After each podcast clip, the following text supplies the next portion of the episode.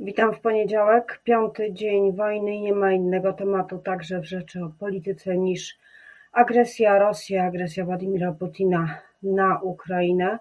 Dzieje się e, bardzo dużo e, wojskowych wydarzeń na Ukrainie. Giną cywile, giną, są ostrzeliwani kobiety i dzieci w korytarzach humanitarnych. Trwają walki o Kijów, nie ma spokojnej nocy na Ukrainie, ale nie śpi też społeczność międzynarodowa.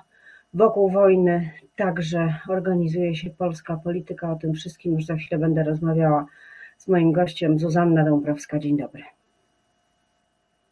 Dzień dobry Państwu. Moim gościem jest senator Bogdan Klich, Koalicja Obywatelska, był minister obrony narodowej. Dzień dobry panie senatorze. Witam serdecznie Państwa, witam Panią redaktor. Dzień dobry. Chyba trzeba zacząć od pytania o cenę ostatnich 24 godzin. Pana zdaniem, według Pana politycznej wiedzy i no, nie ma co ukrywać, też jest potrzebna intuicji, e, jak te szalki wojennej wagi się dzisiaj e, układają? E, czy można mieć chociaż odrobinę ostrożnego optymizmu, jeżeli chodzi o rozwój sytuacji? No muszę powiedzieć, że y, plan Putina na blitzkrieg się nie powiódł. Y, Władimir Putin zakładał, że w ciągu 72 godzin uda mu się doprowadzić do zajęcia Kijowa, y, poddania rosyjskiej kontroli dużej części Ukrainy wschodniej i południowej, no i dokonania przewrotu w Kijowie czyli obalenia demokratycznie wybranych władz y, Ukrainy. Ten plan y, do tej pory się nie powiódł i dlatego y, wczoraj mieliśmy do czynienia z pewnym spowolnieniem ofensywy rosyjskiej. No bo z jednej strony sami Ukraińcy odnoszą sukcesy. Kreml nie spodziewał się chyba takiego bardzo wysokiego morale obrońców Ukrainy i takiego zorganizowania i przygotowania y, przede wszystkim armii ukraińskiej, ale także takiej niezwykłej determinacji y, ochotników i rezerwistów w obronie terytorialnej. W związku z tym ta ofensywa została spowolniona, choć oczywiście nie została zakończona. Czy sądzi Pan, że właśnie atmosfera, patriotyzm, wysokie morale obrońców Ukrainy, powiedziałabym żołnierzy, ale przecież nie tylko, widzieliśmy te zdjęcia e, mieszkańców, e, człowieka, który wychodzi na drogę, żeby zatrzymać czołgi, mieszkańców niedużej miejscowości, którzy robią to samo i powodują, że czołgi się odwracają i odjeżdżają. Czy to wszystko jest głównym powodem, że Ukraina przez, te, przez tą piątą dobę nie daje się Rosji, czy są jeszcze jakieś inne względy bardziej strategiczne, militarne, które o tym decydują?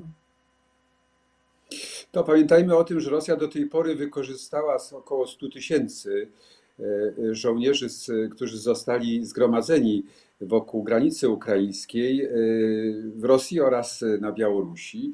E, ma jeszcze do, do, dyspozycji, zgodnie z danymi zachodnich służb, około 50 tysięcy do wykorzystania, także ma środki i siły w odwodzie ale też straty y, wojsk rosyjskich są ogromne. One przewyższają chyba wszystkie kalkulacje ze strony y, Sztabu Generalnego Federacji Rosyjskiej, bo y, to jest ponad 4000 żołnierzy, to jest 27 samolotów, to jest 26 helikopterów jak na wczoraj, to jest 146 czołgów i to jest ponad 700 transporterów opancerzonych. Także to, jest, to są straty idące bardzo daleko i pokazujące, że Ukraińcy potrafią się bronić. Oczywiście sytuacja wojskowa dla Ukrainy jest niezmiernie trudna. No w Kijowie e, obserwujemy bezustanne ataki na przedmieścia i ostrzał rakietowy także dzielnic e, cywilnych. E, żeby była pełna jasność, to podpada pod zbrodnie wojenne i to podpada pod zbrodnie przeciwko ludzkości i na pewno w przyszłości będzie osądzone przez Międzynarodowy Trybunał Karny. I jestem przekonany o tym, że Władimir Putin skończy tak jak Slobodan Milosewicz. Co do tego nie mam wątpliwości.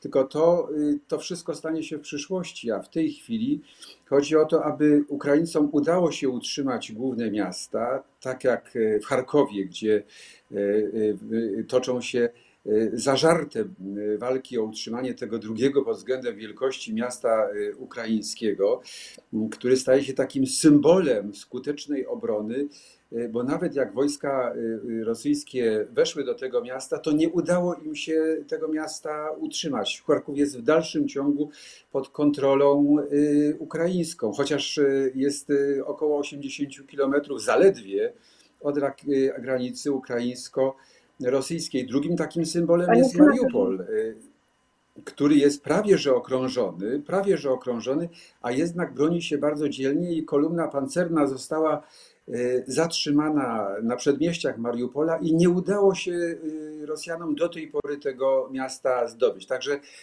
Ukraińcy stawiają zażarty opór, Ukraińcy bronią się bardzo dzielnie, ukraińska armia jest zdeterminowana do tego, żeby bronić się przed wrogiem, a ukraińskie społeczeństwo zmobilizowane do tego, żeby tej armii oraz osobiście y, w obronie terytorialnej pomagać. W niedzielę y, oświadczenie komunikatu Ursuli von der Leyen po spotkaniu, po zakończeniu e, rozmów wstąpił e, szef dyplomacji Borrell e, i wydaje mi się, że ich ton był ostrzejszy niż zwykle, a przede wszystkim to, co powiedziano, było mocniejsze niż zwykle z ust polityków Unii Europejskiej. Myślę o deklaracji przesłania na Ukrainę broni ofensywnej, co to może być za broń i co to znaczy, że Polska zostanie hubem dla przerzucania tego sprzętu? Czy to znaczy, że przez nasze terytorium, jak pan sądzi, w jaki sposób, w jakiej formie będzie ta broń e, przerzucana? No muszę powiedzieć, że Unia Europejska sprawdza się w tych trudnych dla Ukrainy dniach nadzwyczajnie. E, poczynając od e, przyjęcia decyzji o wydzieleniu ponad miliarda, dokładnie miliarda 200 milionów euro w trybie natychmiastowym na bieżące potrzeby dla Ukrainy, dwa tygodnie zaledwie dzieliły od, momencie, od momentu zakomunikowania tej decyzji przez Ursulę von der Leyen e, do podjęcia, do zamknięcia całego procesu legislacyjnego. To nieprawdopodobnie prędko, to nieprawdopodobnie szybko. E, Unia zazwyczaj takich decyzji nie podejmowała w tak krótkim czasie, a skończywszy na wczorajszych decyzjach kluczowych dla przyszłości e, e, Ukrainy i zwalczających, przeciwstawiających się agresji rosyjskiej. Bo przecież po raz pierwszy w historii Unii Europejskiej wspólnota podejmuje decyzję o sfinansowaniu zakupów broni i przesłaniu ich do, do Ukrainy. To jest y, przełom. To się nigdy nie zdarzyło y, wcześniej. Od czasu powołania wspólnej polityki bezpieczeństwa i obrony w 1999 roku myśmy w Unii na ten temat jedynie debatowali, jak Unia się powinna zachowywać w sytuacjach krytycznych za jej granicą. A w tej chwili okazuje się, że potrafi się zachować i potrafi się zachować mm, adekwatnie. Więc wszyscy ci, którzy mm, wieszali psy na Unii Europejskiej, podważali zarówno jej spójność, jak i miejsce Polski w Unii Europejskiej, powinni to odszczekać publicznie, no bo y, y, Unia Europejska sprawdza się w tych najtrudniejszych y, chwilach.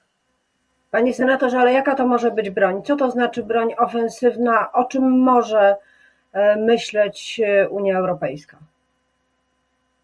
No, y, y, zapewne o tym, o czym, y, o, nie, o czym, co robią, a nie tylko myślą, kraje należące do Unii Europejskiej. Jest ich wiele, powinno być ich więcej. To są dostawy zarówno przeciwpancernych pocisków kierowanych różnego typu, y, przede wszystkim y, takich, które są zdolne do y, skutecznego zwalczania grubych pancerzy czołgów rosyjskich. Te dostawy płyną od wielu tygodni z kilku krajów członkowskich Unii Europejskiej, także spoza, spoza niej bo z Wielkiej Brytanii czy mm, Stanów Zjednoczonych. Drugi rodzaj uzbrojenia to są przeciwlotnicze zestawy rakietowe, które służą do tego, aby z ziemi zwalczać samoloty oraz śmigłowce. Myślę, że ta liczba, duża liczba samolotów i helikopterów, no bo to jest ponad 50 różnych Y, zarówno helikopterów, jak i, samolotów y, strąconych. Y, to, to jest efekt między innymi działania tego rodzaju zestawów. I znowu, te zestawy są dostarczane przez niektóre państwa Unii Europejskiej, a, powinna, a liczba tych państw powinna się zwiększyć. W związku z tym zaangażowanie Unii we wsparcie finansowe zmobilizuje także innych do tego, żeby tę kluczową dla Ukraińców broń przekazywać. E, to jeszcze powrócę do sprawy hubu. Co to znaczy, że Polska ma być hubem do przerzutu broni? Jak to można sobie wyobrazić? No, Borel dziękował po pierwsze, za taką ofertę. Po pierwsze, y, Polska ma długą granicę z Ukrainą. Po drugie, y, ta granica, przez tą granicę y, idą zarówno połączenia autostradowe, jak i przede wszystkim idzie szeroki tor. To ma ogromne znaczenie, ponieważ Y, różnego rodzaju ładunków, nie tylko y, broni, nie tylko uzbrojenia, y, nie trzeba na granicy przeładowywać. Z tego punktu widzenia ten transfer środków bojowych poprzez Polskę wydaje się zupełnie naturalny. Zupełnie inaczej wyglądają granice Unii Europejskiej z, pomiędzy, pomiędzy z Ukrainą przez Słowację, przez Węgry czy przez Rumunię, zwłaszcza, że Węgrzy w swojej prorosyjskiej do niedawna polityce zapowiedzieli, że, przez, że oni nie będą dostarczać broni walczącym Ukraińcom. To jest bardzo bolesne i szalenie nie, niesolidarne ze strony rządu Wiktora Orbana. No ale widać, że w tych trudnych dla Ukraińców chwilach, wtedy kiedy najważniejsze jest y, uzbrojenie armii ukraińskiej, tylko na niektóre kraje można mogą liczyć. Panie senatorze, pan przedstawiał kilka punktów, y, które powinna realizować wspólnota międzynarodowa w planie wojskowym i, i politycznym. Patrząc na to ze strony Ukraińców, y, to są postulaty no powiedzmy z różnych poziomów, ale dwie najpoważniejsze sfery chyba w tej chwili politycznie to jest NATO i Unia Europejska. Co powinno się zrobić, e, jeżeli chodzi o istnienie e, Ukrainy na tych dwóch planach teraz, jak najszybciej, jeszcze kiedy trwają działania wojenne? Jeśli chodzi o NATO, to NATO jest zobowiązane do tego, żeby wzmacniać wschodnią flankę, wszystkie kraje od Estonii aż po, aż po Bułgarię, czyli kraje Europy Środkowej należące do, do sojuszu i NATO to robi konsekwentnie. Proszę zwrócić uwagę, że zostały uruchomione plany wzmocnienia, czyli plany obronne, a zatem takie scenariusze, które pozwalają na łatwiejsze przerzucanie tych wojsk, które są przygotowane do tego, żeby bronić krajów członkowskich sojuszu przed y, agresją. No to się nie działo wcześniej. Po drugie, została uruchomiona, y, zostały uruchomione siły odpowiedzi na to. To są te siły szybkiego reagowania. W związku z tym można powiedzieć, że NATO, jeżeli chodzi o wzmacnianie takich krajów jak Polska, a Polski w szczególności wraz z Amerykanami działającymi na mm, podstawie bilateralnych porozumień, sprawdza się w tej sytuacji znakomicie. Natomiast jeżeli chodzi o e, zwiększenie pomocy wojskowej dla Ukrainy, To jest sprawa kluczowa, bo w tej chwili Ukraińcy walczą i muszą mieć czym walczyć, więc y, dostawy broni powinny następować i z tych krajów, które już wcześniej dostarczały broń Ukrainie, ale także z tych, i tego oczekujemy, które do tej pory nie dostarczały y, środków y, obronnych dla walczących Ukraińców. Po drugie, Ale czy, czy po trzecie, panie senatorze, panie senatorze, ale czy powinna paść deklaracja tak, y, rozpoczynamy, kiedy tylko będzie to możliwe, kolejną rundę, Ukraina powinna przystąpić do NATO. Czy taka deklaracja powinna paść? No to w moim przekonaniu w tej chwili jeszcze byłoby przedwczesne. Natomiast e, jeśli chodzi o Unię Europejską, to jak powiedziałem, sprawdza się w, e, we wsparciu dla Ukrainy znakomicie. Uważam, że jak najszy- najszybciej powinna paść deklaracja o tym, że Unia Europejska przewiduje specjalny status dla Ukrainy. Specjalny status dla Ukrainy, podobny do tego, który w relacjach z Unią Europejską ma w tej chwili Wielka Brytania.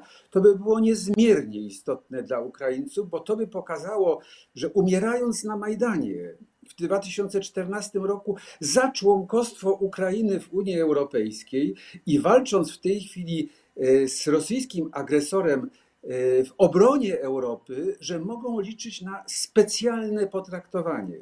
To by było y, naprawdę coś daleko idącego. Natomiast nie ma wątpliwości co do tego, że w tej chwili bardzo dobrze, że y, ostatnie kraje wycofały swoje y, zastrzeżenia odnośnie do odcięcia Ukrainy, Rosji, przepraszam, od systemu płatności międzynarodowych SWIFT. To jest broń atomowa. Ona do tej pory była zastosowana w 2018 roku w stosunku do Iranu i okazała się skuteczną.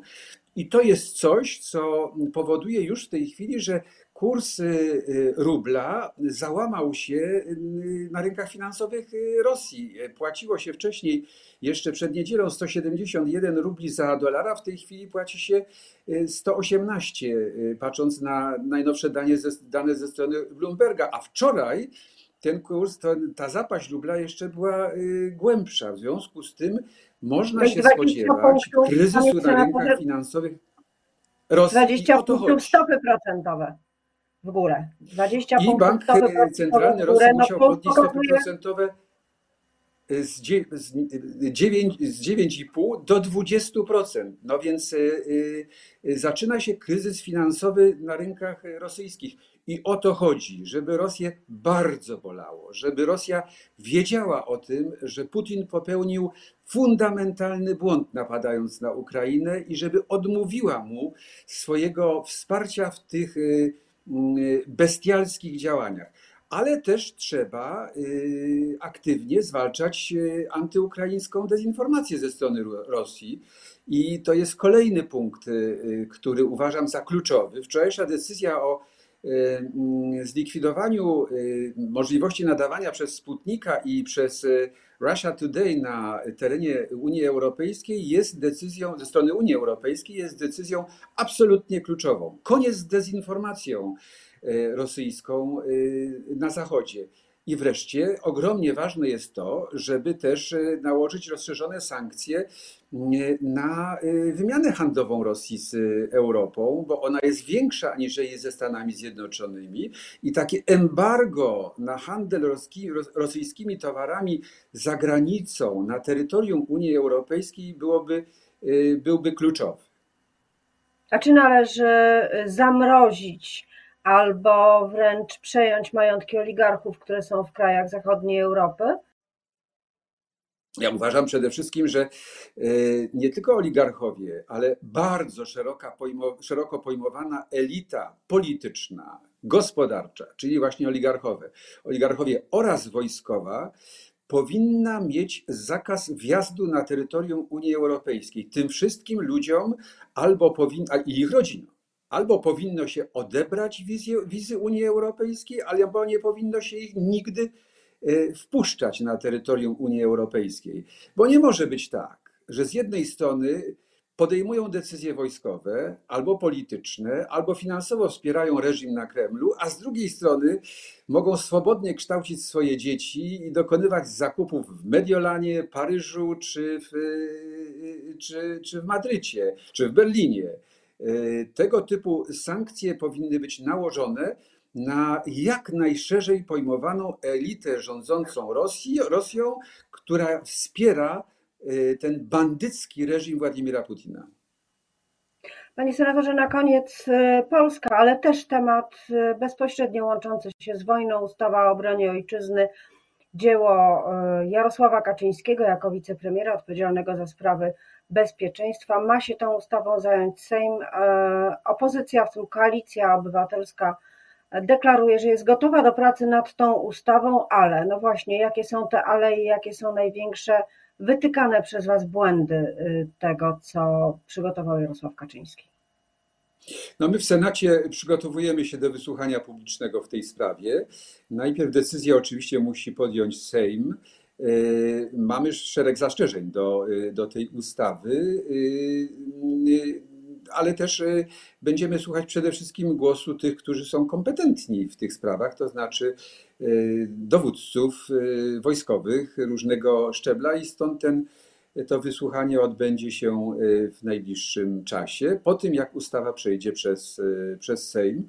Ale też jest jeszcze jedna ważna rzecz w kontekście Ukrainy, Ukrainy w Polsce. Poza tym oczywiście fantastycznym zrywem ze strony społeczeństwa, które popiera, y, które, które popiera właściwie, y, nie ma człowieka, który by nie, nie angażował się w tej chwili w poparcie dla Ukrainy i Ukraińców. Mam na myśli y, tworzenie Legionu Międzynarodowego na Ukrainie. Proszę pamiętać o tym, że Ukraińcy formują taki legion, że każda ambasada, Ukrainy za granicą, także ambasada w Warszawie, y, dostała y, pełne kompetencje do tego, aby dokonywać rejestracji ochotników. Są, na stronie ambasady są jasno określone zasady tej rekrutacji. Jeżeli ktoś z Polaków jest skłonny wesprzeć nie tylko humanitarnie, ale jako ochotnik walkę Ukraińców z Rosją, może to zrobić, zgłaszając się w ten sposób do ataszatu ambasady ukraińskiej w Warszawie. Panie ministrze, a czy panie senatorze, czy to jest legalne? Czy Polacy mają prawo służyć w obcej armii, nawet jeżeli ta jest w stanie wojny, w dodatku wojny obronnej? No, ochotnicy y, mogą się zgłaszać i, y, i co do tego nie ma wątpliwości. To jest sytuacja niezwykle, niezwykle istotna. Bardzo dziękuję za tę e, analizę, chociaż temat trudny i bardzo bolesny. Wszyscy się denerwujemy tym, co się dzieje za naszą wschodnią granicę i trzymamy kciuki za Ukrainę. Bardzo dziękuję za tę rozmowę. Moim gościem był Dziękuję uprzejmie. Do widzenia Państwu. Do widzenia Pani. Bogdan Klich, Koalicja Obywatelska.